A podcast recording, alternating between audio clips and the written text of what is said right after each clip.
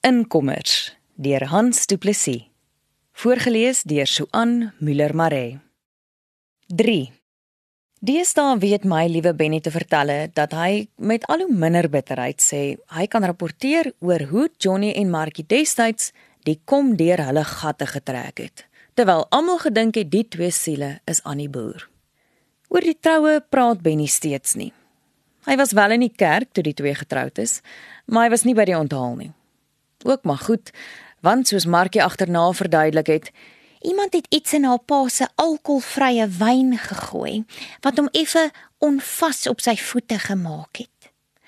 Oor die kerk waarin die twee getroud is, sal Benny nogal makliker gesels. Snaakse klomp. Glo net in die Ou Testament en eet net rein voedsel en drink nie wyn nie. Die wyn waarvan die Bybel praat, was volgens Markie se navorsing glo anders as vandag se wyn. Dit het nie gegis nie. Waarvan Noag dronk geword het, kan niemand van hulle vir jou verklaar nie. Jy moet dankbaar wees, terg ek Benny gereeld. As dit nie vir hulle was nie, het jy my dalk nie eers geken nie. Dan lag Benny net, soen my eers op die voorkop en sê dankbaar. Hartlam, jy weet nie hoe dankbaar ek is nie, maar daai twee verdien mekaar. Albei ewe beter weterig en ewe hardkoppig luister vir geen mensie. Dis hoekom ek kom onder hulle uit is voordat ek of enige iemand dit besef het. Teen die tyd ken ek die storie van die kom. Johnny se eie sinnigheid en Markie se deeglike navorsing ook al asof ek self daar was. Die twee was al 'n jaar of wat getroud toe hulle die maandagmiddag by Benny op oorkant kom opdaag. Snaakse tyd van die dag of die week vir 'n boer om by 'n buurman te kom kuier. Al is dit sy broer, Behalwe as hy in een of ander moeilikheid is, veral as die vrou ook nog saam is en klein Gertjie by iemand op die kom moes agterbly. Snaaks, want Markie sê altyd dat sy nie sommer haar Gertjie by 'n bediende los nie. Aan die ander kant, Johnny was nooit eintlik 'n wafferse boer nie. Mens kon dit sien aan die kampdrade wat soos uitgerekte garings hang, die land wat vol inkebos staan en daar was nie eers meer 'n duiker in die bakkie se ligte nie. Op die ou tabakland tussen die opstal en rivier het die wingerd verdor. Stokkies wat Johnny laat insit het toe Markie se navorsing in die landbou weekblad getoon het dat wynpryse die hoogte gaan inskiet. Toe sit die twee maandag op die tuinstoele voor Benny se opgeknapte huisie. Gelukkig het Benny onthou om nie 'n glasie wyn vir sy gaste aan te bied nie.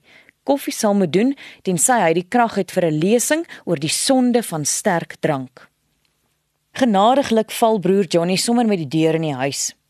Wil Boet Benny nie ook saam met hulle geld in 'n geloofwaardige skema belê nie. Hulle het ook reeds met sis Nonnie en swaar Grootpiet oor hierdie kans van 'n leeftyd gepraat.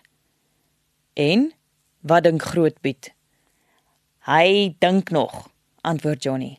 Maar die agent verseker ons dat honderde beleggers tou staan om geld in te steek. So gewild is dit.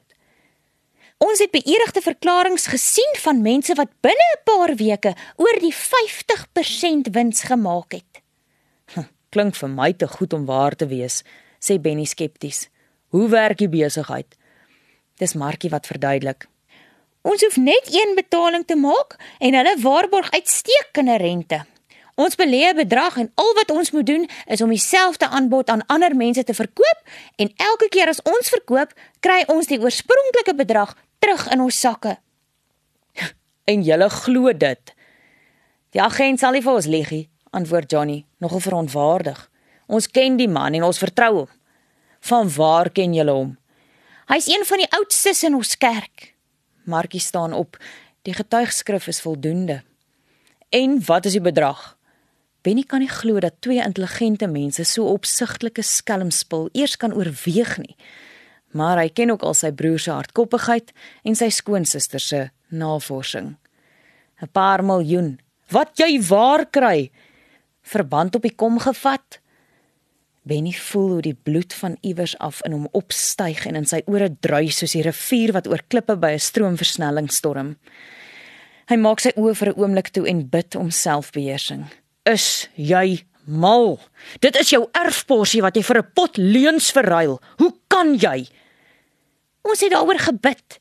Ha, die oudste het seker saam gebid. Kan Benny nie anders as om sarkasties te blaf nie.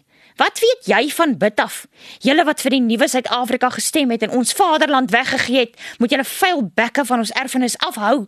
Met ons wins koop ons die hele kom vir die boerevolk terug. Markie buig so ver vorentoe dat haar gesig byna teen die van Benny is. Die woede in haar bruin oë maak hom bang en hy hou liewer sy mond. Hulle gaan nie vir hom luister nie. En dit is hoe dit gekom het dat Benny skaars 'n jaar later sy ou vriend Abel de Wit bel om te sê dat hy van 'n goeie stuk grond in die kom weet as Abel nog sou belangstel.